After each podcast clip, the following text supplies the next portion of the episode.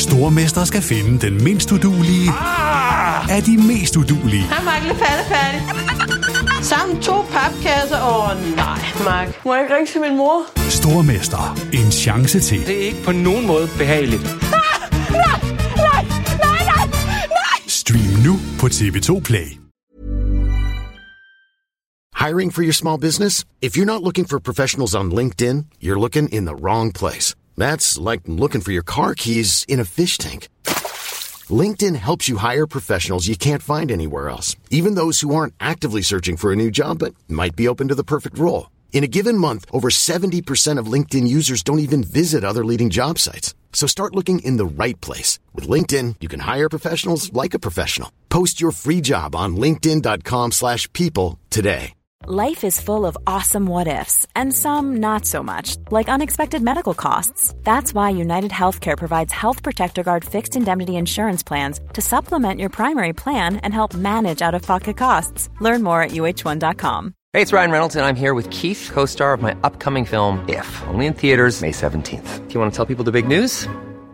All right, I'll do it. Sign up now and you'll get unlimited for $15 a month in six months of Paramount Plus Essential Plan on us. Mintmobile.com slash switch. Upfront payment of $45 equivalent to $15 per month. Unlimited over 40 gigabytes per month. Face lower speeds. Videos at 480p. Active Mint customers by 531.24 get six months of Paramount Plus Essential Plan. Auto renews after six months. Offer ends May 31st, 2024. Separate Paramount Plus registration required. Terms and conditions apply if rated PG.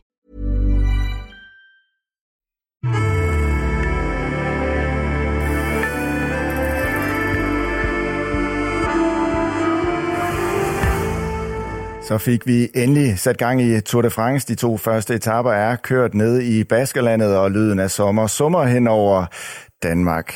Victor Lafay vandt dagens etape. Adam Yates vandt første etape for snuden af tvillingebror Simon Yates.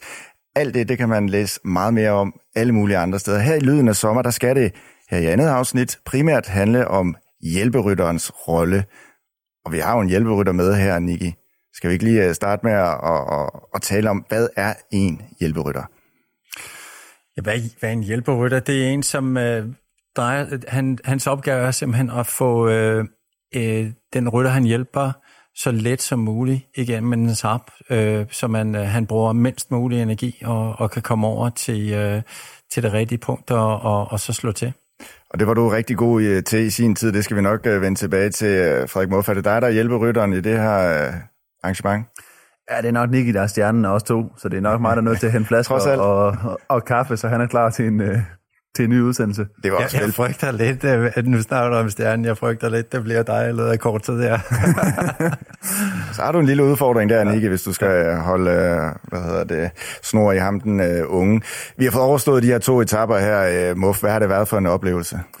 Det har været en fed oplevelse, og en anderledes øh, Grand Park, kan man sige. Øh, to vanvittigt hårde etapper, og måske også to vinder, som vi ikke lige havde regnet med på forhånd. Vi havde nok ikke lige set, at det skulle være Yates og Lafayette, der kørte hjem.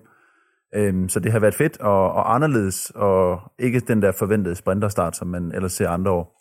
Nu er det her jo øh, sådan en blanding af en podcast og øh, tv med et fuldstændig fremragende titel, synes jeg, Lyden af sommer. Man kan sådan associere, hvad det er. For de fleste, så er det jo netop Lyden af Tour de France. Jeg vil gerne lige lave en uh, lille øvelse med jer to, inden vi går i gang sådan for uh, alvor. Hvis I gider at lukke øjnene, og hvis man nu lytter med eller ser med derude, så kan man også selv øh, lukke øjnene. Når jeg siger Lyden af sommer, så prøv at forestille jer, at øh, fjernsynet kører. Der er en bjergetappe i gang. Måske sidder man ude i øh, haven, og man har skruet ekstra højt op for, for fjernsynet. Man sidder med et glas hvidvin. Hvad er det så for nogle lyde, I hører? Oh, det er den der lyd af helikopteren i baggrunden, og, øh, og tv-kommentatoren. Øh, noget, som man næsten kan falde i søvn til, øh, hvis man ligger på sofaen. Hvad hører du, Nicky? Jamen, det er jo så den lyden af, af, af Jørgen Let i, i sin tid, når, når øh, han var på. Jeg spørger, fordi jeg har sådan en helt specifik lyd, du må gerne åbne øjnene, Muff. Jeg, det er Ja, næsten altså, som en jeg øh, så længe jeg får at vide, at Ja, jeg skal. Altså, det, jeg tør ikke andet. Jeg har sådan en specifik lyd. Jeg skal bare lige høre, om I kan genkende den. Det er den der lyd, når kameramanden, der sidder bag på motorcyklen, kører forbi ude på landevejen. Og så kan man høre franskmændene stå og sige, Allé, og man kan bare sådan høre det hurtigt. Jeg ved ikke, om man næsten kan, Allé, sådan der på den måde. Jo, og man kan faktisk øh, også høre det, når man kører nogle gange, hvis man kører tilpas stærkt, specielt i Frankrig. Øh, den der, Ja, som ligesom falder ned, og også lyden af klap, der bliver mindre og mindre. Nemlig. Fedt. Ja, du, jeg ved ikke, om du kan huske det, du, du er for ung til at huske det, men min far, han så fodbold i, øh, i, i sin tid, hvor han så det der engelske, øh, øh, øh, hvad hedder sådan noget, det engelske fodbold, og der var sådan en lyd, altså den der dung, Og det var der donglyden. Ja, Ja. Jeg kan huske altid, når man lå der, var vi i hvert fald i søvn og Ja. til fodbold ved siden af, og det er den der dung. Fedt. Tak fordi I vil være med i øh, øvelsen. Jeg er glad for at se, at I stoler så øh, meget på mig. Nu skal vi øh, sådan for alvor i gang med programmet, og vi skal kigge nærmere på sidste programs forudsigelser.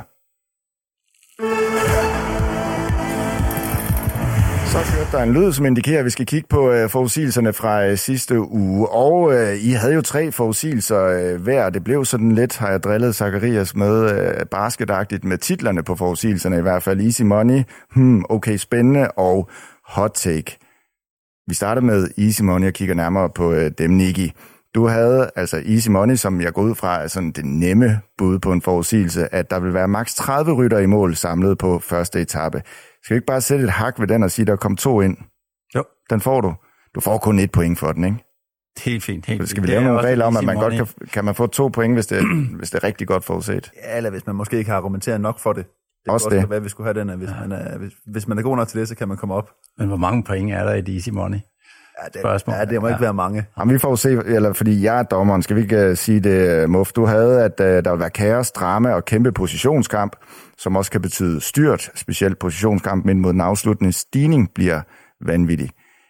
Vi kan vel mildt sagt også godt give et point for den, eller hvad? Altså, det er, det er et easy, easy, easy money. Så det, du får 0,33 point for den, vil jeg mene. Altså, det ved jeg ikke, men jeg er jo ikke jeg har, jeg har sat et hak ud. Ja, vi, ja, vi, vi runder op og giver ham et enkelt point.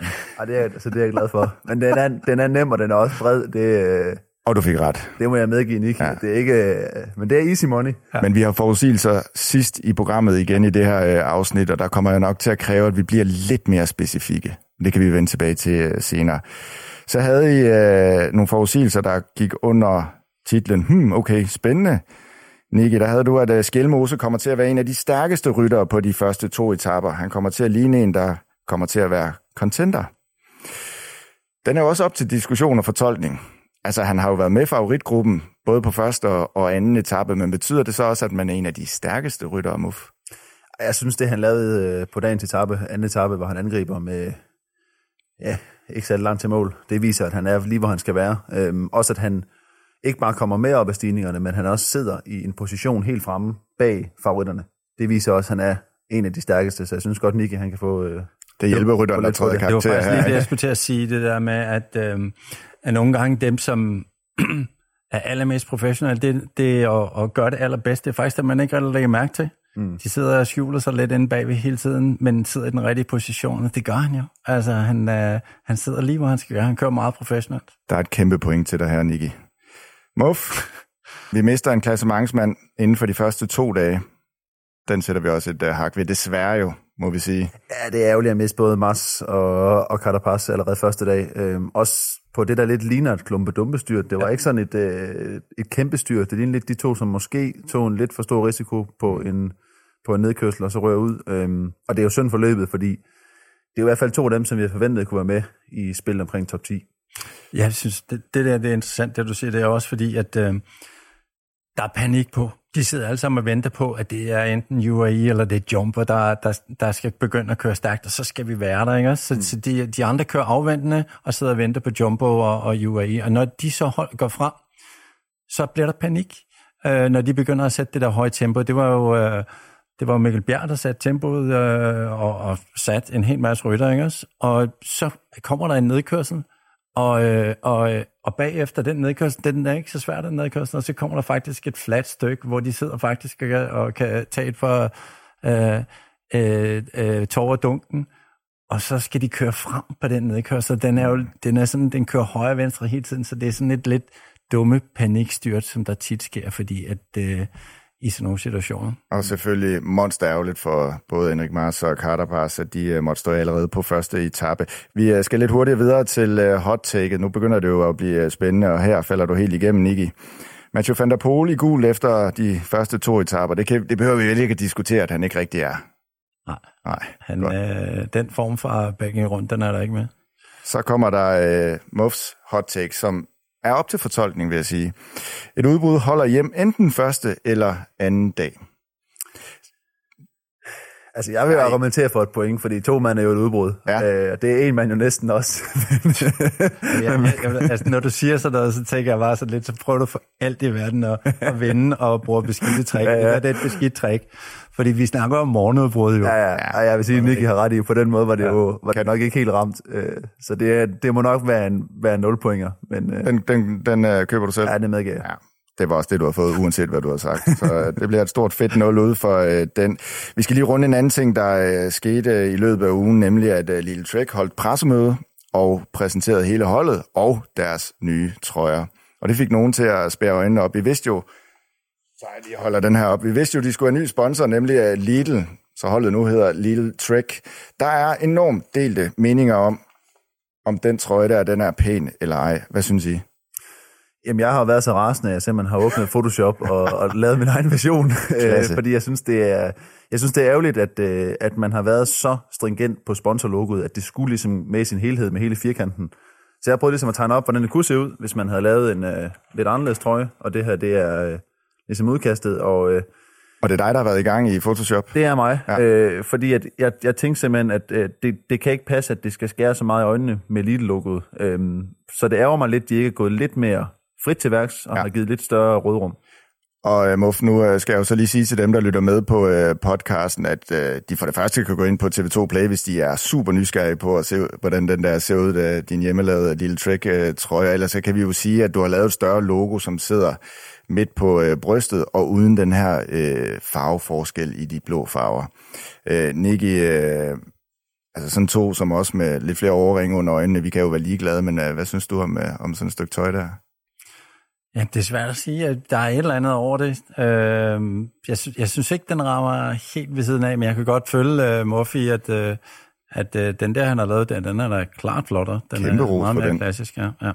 Altså, Og der de var, kan bare ringe, hvis de har behov. Jeg, jeg, altså, jeg vil gerne stå til rådighed. så kommer du også med til turen, jo. Ja, Ah. det er nok ikke, nok ikke som rytter i hvert fald. Men kan I huske sidste år, det her, det kan man heller ikke se, hvis man øh, sidder og lytter med på øh, podcasten, men øh, hvis man ser med ind på TV2 Play, vil man kunne se, at jeg sidder i de her lyserøde bukser, som jo er EF's øh, kollektion fra sidste år, da deres trøjesponsor øh, Rafa gik sammen med Palla, som er sådan en amerikansk øh, tøjmærke, og lavede sådan en hel kollektion.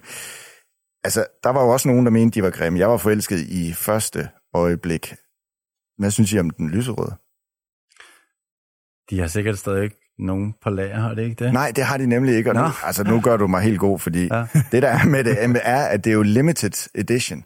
Nå. Så for at få fat i dem, der skulle man sidde klar en mandag morgen øh, og, og, og byde på dem, eller mm. gå ind og købe dem. Og så var de jo så udsolgt på et tidspunkt. Ja. Der gik 10 minutter, før de havde udsolgt alt inde på den hjemmeside, og jeg nåede det ikke, og derfor så skal jeg også sige, at det ikke er mine bukser.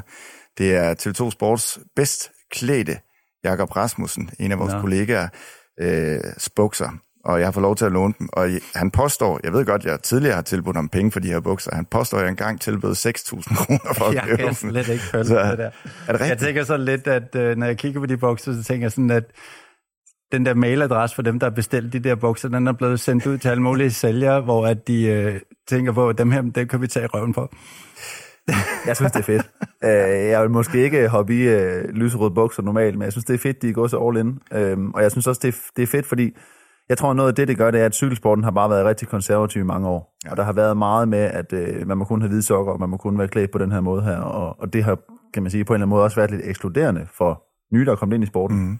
Men man får skabt en hype, som måske går lidt ud over øh, de konservative, og måske får nogle nye til sporten, som også synes, det er fedt. Altså også den, øh, den and, de havde på deres, øh, på deres engelskshjelm, eller lille øh, trold, eller hvad det var, det var, jo- det var fantastisk. Altså, og, Og de lavede jo også nogle crocs, som var så helt vanvittigt ud, ja. altså de her sandaler i, øh, i gummi. Øh, de var egentlig bare med for at sige, at det kan jo godt være, at de også rammer en hype på et tidspunkt, øh, Lille Trick. Og i øvrigt så, øh, så Magnus Kort, altså uanset hvad han tager på, så klæder det jo ham, og man får lyst til at købe det øh, samme tøj. Så der er de godt hjulpet på vej i F Education øh, Post. Nok om det. Nu skal vi øh, videre til dagens helt store emne, nemlig hjælperyttere.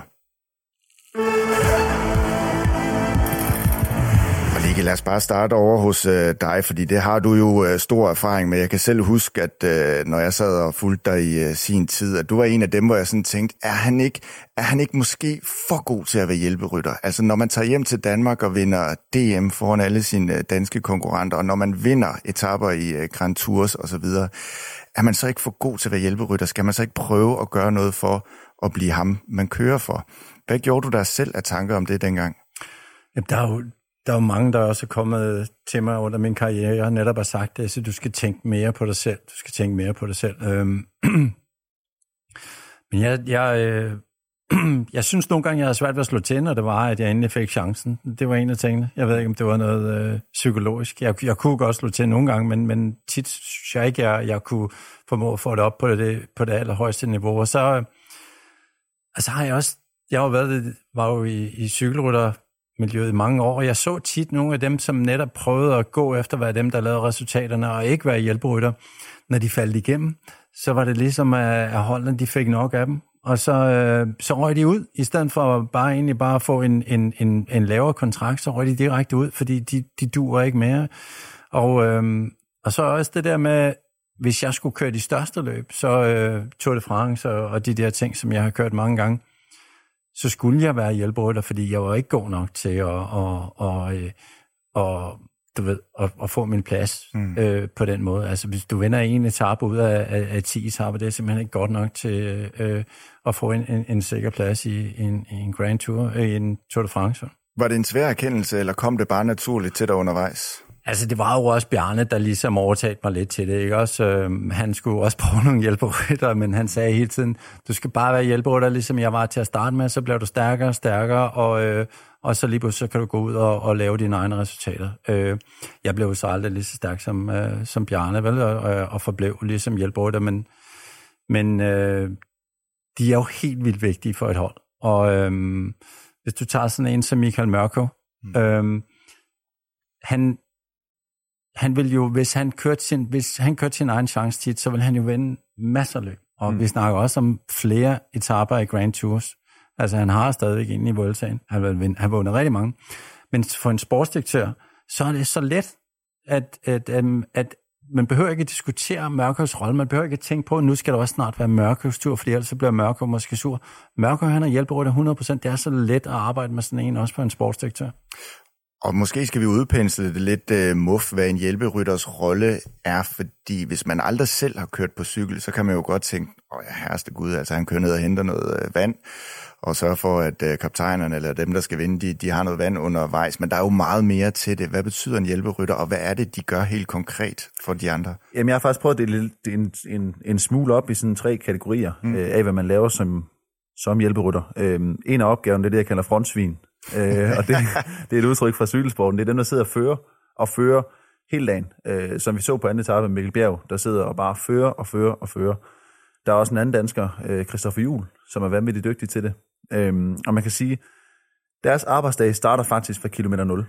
Fordi det at være den, der fører, er ikke kun at sidde og føre og lukke et udbrud. Det er også at sikre, at de rytter, der kommer i udbruddet, det er den rigtige konstellation. Øhm, så for eksempel, hvis det er en flad etape, og man sidder som, som rytter fra Quickstep, øh, som Team de Klerk, jamen så vil man ikke have, at de andre sprinterhold kommer i udbrud, for så kan de ikke hjælpe med at føre ned i feltet. Mm. Så der er en stor opgave i ligesom at køre med i angrebene og lukke det ned, og sikre, at der måske kun kommer fire eller fem mand afsted. Øhm, og så er der den der Michael Mørkøv-type, øh, lead-out-mand. Øh, man kan måske også lidt kalde hans kategori for en feltherre, fordi Mørkøv, han er vanvittigt dygtig til at sidde i feltet, og han er vanvittigt dygtig til at positionere sig. Øhm, og han er sådan en rytter, som hvis du har ham som leadermand, hvis du har ham foran dig, så skal du bare stole på og holde hans hjul. Mm. Øhm, og der er også en kvalitet i, kan man sige, når man kører igennem et felt, og man har en rytter bagpå, som skal køres frem, at man både kører kontrolleret frem, så man ikke bruser frem, og, og rytteren på hjul bruger alle kræfter, men også at man kører ind i, kan man sige, de huller, hvor der er plads til to mand. Mm. Og, og det er også en, en ting, som jeg lagde mærke til, da jeg var det selv. Der er rigtig mange ryttere, som ikke kan finde ud af det der. Simpelthen at, at mm. tænke på, hvor, køre en blød acceleration, for at ham, der sidder på hjulet af mig, han, han mm. får det så let som muligt. Altså, man kan jo virkelig øh, gøre det super godt for ja, den så det, rytter, det er jo ikke så simpelt, at bare fordi du er lidt dårligere end de andre, så er du en god hjælperytter. Altså, så simpelt er det jo ikke. Nej, det er måske Nej. også vigtigt at huske på, at de rytter, der er hjælperytter, specielt i Tour de France, det er vanvittigt dygtige rytter. Mm. De rytter, som er hjælperytter på Jumbo eller UAE, kunne jo for så vidt næsten være kaptajner på andre hold. Og der er jo ja. også ryttere, som faktisk i bund og grund, hvis de ville, kunne skifte til et mindre hold, og, og, og kan man sige, øh, få oppasse sig selv, men, men som på en god løn og på det, de kan, simpelthen bare bliver på de store hold. Vi skal næsten også lige snakke om det der med, hvordan man kan jogge spinat. Med Jamen, jeg skulle lige til, at, jeg skulle lige til at sige det, Nikke, fordi at, ja, altså generelt i cykelverdenen, det er jo mit indtryk, og egentlig også dem, der følger cykling, man har stor, stor respekt for de her hjælperytter og deres øh, rolle, men der må også være oplevelser som hjælperytter, hvor du fuldstændig 100% skal overgive dig til et andet menneske og oplever noget, der ikke er så fedt. Ja, ja. Nå, ja, ja, ja. Altså selvfølgelig. Men, men jeg vil også lige nævne den der med, øh, med øh, hvordan man kan jogge spinaten, fordi at, øh, det synes jeg vil kunne kælde, man gjorde i slutningen ah. af en etape i dag. Altså han sidder, og han skal bare lige få øh, Wout van Aert øh, de sidste par hundrede meter over, så han kan køre den spurt, og så bliver der rykket fra Victor Lafay, og han sidder helt apatisk og ikke reagere på det. Han skal accelerere med det samme og sørge for, at der ikke er så meget hul op til ham der. Det var torske dumt, og det var, øh, det var virkelig... Øh, øh, jeg tror, det var halvvejs, øh, halvdelen af grunden til, at Wout van Aert han slog i styret, da mm. de kørte over målstregen. Det var på grund af det der. For han så skal ud i bussen bagefter? Det tror jeg ikke. De, de, er, jo, de er jo... Men øh, ja, men Nicky, har du... I hvert fald lige diskuteres igennem, ikke også? har du haft dårlige oplevelser som hjælperytter? Ja, øh, dårlige oplevelser. Øh, ja, altså jeg har haft nogle, øh, nogle, nogle brutale øh, øh, øh, oplevelser. Altså jeg øh, prøvede den ene Tour de France, hvor at, øh, en af de første etaper, jeg kørte direkte ind i et, øh, et øh, skilt øh, med, med høj fart, lige ind i noget sidevind, og, og bukkede simpelthen skiltet, og røg ud over styret, og slog med knæ så meget, så at, øh, at det gjorde ondt resten af Tour de France faktisk. Øh, og, øh, og komme igennem den tur. Det var sindssygt brutalt. Skal vi ikke lige tage en mand med, som øh, faktisk også har beskæftiget sig en hel del med øh, hjælperytterens rolle, men mere som historiefortæller og øh, formidler. Det er øh, dig, Jørgen Let. Øh, velkommen øh, til med øh, hjemmefra på en øh, FaceTime-forbindelse. Jørgen, vi sidder jo her og taler om hjælperytterens øh, rolle og trækker lidt på øh, Nikis erfaringer med øh, det. For dig, Jørgen, hvad, øh, hvordan opfatter du så øh, hjælperytterens rolle? Som meget vigtig, som uundgåelig. Og det har jo været svært i begyndelsen af den tid, jeg har øh, kommenteret cykelløb, at forklare for den danske publikum, at ikke alle skal have samme mulighed for at køre frit i et, i, i, i, i et hold. Der skal være nogen, der, der skal være fordelt opgaver. Jeg synes, Øh, Niki forklarede det meget tydeligt allerede, det han har sagt. Han har jo også gået den allerbedste skole, både selv som en fremragende hjælperytter, men også øh, via Bjarne Ries, som jo har den virkelig fantastiske baggrund, at han øh, i mange år var hjælper for en af verdens klogeste og bedste rytter, nemlig Fignon, og brugte sin viden til at udvikle sig til selv at, at kunne styre det hele. Øh, det har været godt, synes jeg. Og øh, det gør, at man med det samme får stor respekt for den gode hjælperytter. Og det, det hører jo også med i billedet, det har jeg skulle forklare mange gange tidligere, at en hjælperytter får jo også sine dage. Altså, at man kan jo også se, hvor god en hjælperytter kan være. For eksempel øh, helt fantastisk i dag med, med Mikkel Bjerg, og den måde, han arbejder hele dagen højt niveau, højt niveau. Det er jo, det er jo indlysende, at det er ham, der er på mange måder er stjernen i dag selvom man ikke er med til at gøre det færdigt. Så der er mange nuancer i det der med at være hjælperytter. I øvrigt vil jeg lige gøre opmærksom på, at selve ordet vandbærer, det mener jeg, at jeg kan tage kredit for i et interview, jeg i 1972 lavede med Ole Ritter sammen med min gode ven Ebbe Trabager. Vi talte med Ole Ritter, en langt interview, og han kommer op med ordet vandbærerne. Og det er første gang, jeg har hørt det og det har glædet mig at se det så udbredt i senere tid. Men vandmær, det var den, efter Ole Ritters definition, det var det laveste trin af, af, vand, af hjælperytterens rolle. Og det var en, der simpelthen skulle hælde vand. Øh, og og det, det var ganske klart. Øh, så det, øh, det talte han meget om. Og han, han var meget stor tilhænger af, at der skulle være flere lag kompetence på et hold. Altså, der skulle være stjerner, der skulle helst være to, tre stjerner. Så han regnede sig selv for at være en af de tre, som de havde på Bianchi-holdet. Og øh, så skulle der være nogle hjælperytter i egentlig forstand. Og det må være dem, vi ser i dag hos, øh, hos både altså hos alle de store hold, som har virkelig hjælperytter, som også kan vinde etapper selv, som Nicky har oplevet.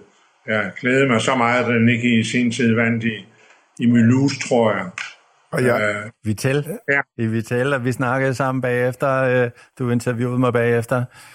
Kan jeg huske efter mål, målgangen.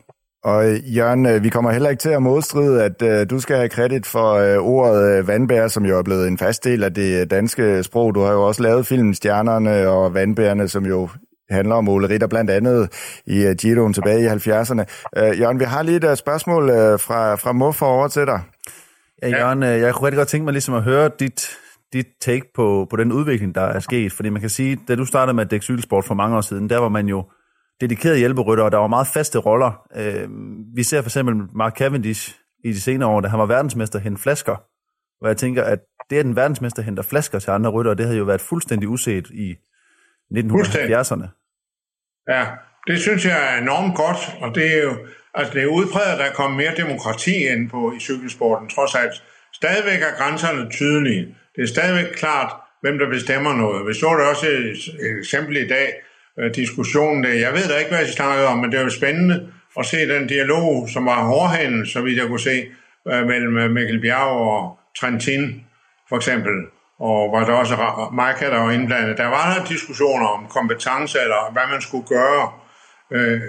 Men det er mere åbent i dag, og det synes jeg er rigtig godt. Jeg synes, det er fantastisk godt, at øh, alle rytterne kommer til fadet, om man så må sige. Alle kan har en, altså der, på et tidspunkt, så får de en chance for at vinde en etape, som Nicky kan bevidne i høj grad, øh, og så videre. Ikke? Det, det er jo altså, det er, det er et fremskridt, synes jeg. Et, et demokratisk fremskridt, og en, også et fremskridt til at forstå cykelsporten på en anden måde. Jørgen, øh, inden vi lige siger farvel til dig, så talte vi to jo også øh, sammen, inden vi øh, gik øh, i gang med programmet øh, her. Vi talte blandt andet om din øh, nye bog, der, der er på gaden nu her. Der var engang en mand, som hed Fausto Coppi. Og det gjorde vi, fordi at du fortalte mig, at der er et kapitel og en beskrivelse af hjælperytteren med i øh, den her bog. Jeg ved, du også har fundet en øh, passage fra øh, bogen. Er det sådan, vi kan få lov at høre den? Jamen, det kan jeg da godt læse, hvis det er. Ja. Øh, en lille bid her, ikke? Ja. Der skal uden tvivl en bestemt psyke, en særlig indstilling til, for at en rytter i den grad kan påtage sig en så selvudslættende rolle. Man kan dårligt forestille sig, at en Rolf Sørensen gør det samme gennem længere tid. Men det har været med til at forme Ries som klasserytter. Uh, ligesom den for Michael Indurain var utrolig lærerig at køre totalt lojalt for Pedro Delgado en gang. Også på et tidspunkt, hvor det var klart, at han måske ville have haft større chancer øh, selv. Men du regner selv fremhævet, at det var i det arbejde, altså som hjælper for Delgado, at han lærte løbets hemmeligheder at kende. For eksempel, hvordan man kører, når man skal forsvare den gule trøje. Det kan jo ikke siges klare. Det kan ikke siges klar. Formidabelt, Jørgen. Tusind uh, tak både for oplæsning og for at være med uh, her. Og i øvrigt også for at bygge uh, Niki så velfortjent uh, op. Han, lige om lidt så skal han komme med forudsigelser for den næste uge i uh, Tour de France, og det med masser af selvtillid. Jørgen, tusind tak, fordi du var med her. Mange tak, Jørgen. Det var hyggeligt. Tak for det. Tak. Fantastisk. Det kan han bare, det der, Jørgen Let. Både at læse op og i øvrigt også øh, på aller maleriske måde beskrive, hvad en hjælperytter er. Super præcis beskrivelse. Ej, det er fantastisk. Altså, Jørgen er jo en legende, og Jørgen har været med i alle de år, og altid været en mand, der har dyrket hjælperytteren. Øh, og det er jo noget, som, øh, som jeg tænker, mange cykelryttere har sat stor pris på, at han ligesom også har haft det fokus. Og apropos lyden af sommer, han er også en af de første, vi kommer til at tænke på, ikke? Jo, jo, jo, jo. Jo, for sådan. Nå, vi skal lidt øh, videre. Vi, øh, vi var nødt til lige at få den der oplæsning med fra hans øh, bog, Jørgen. Øh, men vi skal til øh, forudsigelserne i øh, næste uge. Og vi har, som jeg var inde på i indledningen af den her vodcast, sat det ned til to forudsigelser, bare fordi, at jeg ikke er så god til matematik, og det er lidt nemmere. Og så har vi fundet to bedre titler til det. En sikker forudsigelse og en våget forudsigelse. Det er dejligt dansk og forståeligt, og vi starter over ved øh, dig, Nicky, med din sikre forudsigelse. Den sikre? Ja. Okay. Nu bliver der fedt spillet, det kan vi godt Ja, ja, men altså, Grunevæggen vinder en af de næste to etapper. ja. Har du også den? Nej, det har jeg ikke. Øh, jeg har faktisk, øh, som min sikre, også øh, lavet lige så meget fedt spilleri, og så sagt, at vi får endnu mere klassementskamp mellem Vingegaard og Pogacar allerede her på de næste etaper. De næste to etaper? Nej, jeg tænker mere den næste uge, øh, ja. når vi kommer ind specielt Ja, på, okay, okay. på 6. og, Ja. og, og 9. etape. Ja, ja, okay. Men jeg Muff, gætter ret øh, totalt... Øh, Men så er jeg nødt til lige at bryde ind her, fordi at det forudsigelserne, de gælder, det er fra etape 3, altså mandagens etape frem til 9. etape på øh, næste søndag. Ja. Det vil sige, det er syv etapper, hvor øh, to af dem er med temmelig høje bjerge. Er den, er den ikke for sikker, Muff? Jo, det er den, men jeg har jo ligesom lært, at hvis man skal have point af den øh, hårde, men til gengæld meget uretfærdige dommer, så er man nødt til at, hvor mange point til at fik spille han- safe. Ej, altså. altså, det, hvor mange point fik han for den der totalt fedtspiller, han lavede? Altså der? i dag og i den her udsendelse er vi gået med et point. Nå, Øh, og og I, Jamen, så har har, I har jo så to hver, men jeg vil sige, den der, pff, der er vi nede på et halvt point, Muff. Men er det ikke også Ja, jeg fedt synes, gør spilleri at tage, tage hurtigste mand, og så sige, at han vinder en etape, når vi har øh, potentielt tre sprinteretapper, måske næsten fire? Vi trækker en uh, streg her. Jeg siger, at der er et point til Nikke, hvis han skal hjem, og et halvt til Muff. Nu kører vi med halve point herfra, okay. simpelthen. Det er stærkt. Så håber jeg, at jeg har lidt mere kød på øh, de vågede forudsigelser. Nikke, hvad har du der? Vingegaard bliver, at det er ikke så sær- en, en særlig positiv en øh, at, at, se frem til, men Vingegaard bliver isoleret i en UAE-sandwich på femte etape. Ja, det, det, er, det er et frisk bud. Mm? Meget konkret. Herligt konkret, Nikke. Kæmpe ros for det. Hvis du kan tage mere ros, efter vi havde Jørgen igennem. Ja, Og ja det er en god dag for meget op. Ja. At jeg, jeg har lavet en øh, måske lidt mere våget en, og det er, at øh, UAE smider bevidst øh, føretrøjen for at spare på nogle kræfter og undgå at sidde og føre hele tiden. Ej, Ja. det, det er to gode øh, forudsigelser, vil jeg sige. Nu har jeg også været hård ved jer, men det der, det er to solide forudsigelser. Hvis I rammer dem, Jeg synes, det var meget godt set. At Mm. mm. Rolf snakkede også om, at, at øh, op ad den der stigning, hvor øh, Jaski Bell i dag, hvor at, øh, der var point op på toppen, eller der var sekunder op på toppen, øh, der, der tænkte øh, Rolf, at det var Simon Yates, der ville gå efter den der. Og jeg tænkte på et tidspunkt anden, da det spurgte, at Pogacar, han skulle bare slå Vingegaard, men han måske ville give den til, til Simon Yates. Øh, men Vingegaard røg så forbi, og, og, og, og så røg Pogacar forbi øh, øh, Vingegaard. Men, Vi sad jo øh, næsten og, og svarede hinanden, som vi snakkede ja. om den Ja, ja. ja, ja. Det var jo, der var tænding på. Det var ikke bare sådan, Nej. nu spurgte vi lidt pro forma for nogle sekunder. Der var jo virkelig, ja. altså Vingård, der giver en albu til Pogacar, det er, ja. det er længe siden, man har set Ja. det. jeg vil sige, jeg vil lige ved at give jer to point værd, for hvis de der forudsigelser går igennem. Men hvis det nu er så sandsynligt, trods alt, som vi sidder og snakker om, skal vi så trække et halvt point fra Muffs halvandet? Jeg synes, det er mig, der får trukket ja, point ja. hele tiden. Altså, jeg, Jeg synes kan også, sidde og prøve at påvirke dommeren her. det, er for, det er for unfair. I får to point øh, hver på den der. Vi skal jo lige gentage, at øh, det er altså syv etape, det gælder fra i morgen. Vi optager øh, søndag podcasten. Øh, her i morgen er det øh, tredje etape, den sidste i Baskerlandet, og så er der syv etaper inden den første øh, hviledag, og inden vi i øvrigt øh, laver et øh, nyt afsnit af Lyden af Sommer. Vi skal til at øh, lukke ned. Øh, fantastisk at være med. Ej, vi skal Har lige hurtigt ja. nå det der, ja. Det er meget vigtigt. Uh, vi havde jo et, uh, en stor ophedet diskussion i sidste uge, uh, efter at Dennis Ritter ligesom havde pro- proklameret, at han er til grovvalg til havregryn. Og, og, og det var jeg jo noget rystet over. Nicky, han springer jo straks på og siger, at han også er til havregryn. Og jeg tænker jo ligesom, om det er mig, der er the odd one out. Øhm, men jeg har simpelthen lavet en videnskabelig undersøgelse, øh, og det er, det er videnskab på højt niveau. Jeg har adspurgt på, på Instagram, og så har Dennis så repostet ligesom øh, noget ud til nogle mennesker, så det er ikke bare mine, øh, mine snollede følgere, der har været med. Øh, men 600 har simpelthen svaret på den, Okay. øh, på om de er til øh, grov eller fin valgtid. Og hvis man, hvis man lytter med, så skal I forestille jer det pæneste stykke grafik, som, øh, som I nogensinde har set fra en mand, der ikke er grafiker. Øh, men simpelthen en, øh, den officielle øh, Havregryns øh, undersøgelse med 600 respondenter, øh, som viser, at 73 procent er til fin valgtid, og 27 er til grov valgtid.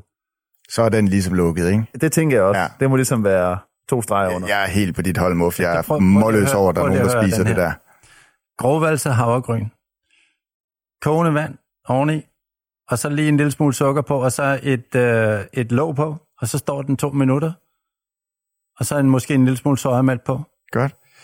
Det har de nok ikke prøvet, dem der ikke er til Det grovvalse. kan du også med fin valgtid. Jeg vidste godt, at de to var cykeleksperter, men at du også er grafiker, og du er øh, kok, øh, Niki, det overrasker mig en øh, lille smule. Det gør slet ikke noget, det må I gerne bidrage med os. Tak for den her omgang. Nu glæder vi os til de syv næste etaper i turen, før vi sender lyden af sommer endnu en gang. Vi glæder os til tredje afsnit om en lille uges tid. Tak fordi I så med her.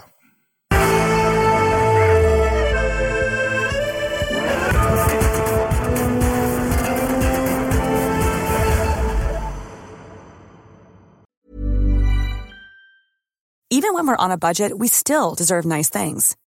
Quince is a place to scoop up stunning high-end goods for 50 to 80% less than similar brands. They have buttery soft cashmere sweaters starting at $50, luxurious Italian leather bags, and so much more. Plus, Quince only works with factories that use safe, ethical, and responsible manufacturing. Get the high-end goods you'll love without the high price tag with Quince. Go to quince.com slash style for free shipping and 365-day returns.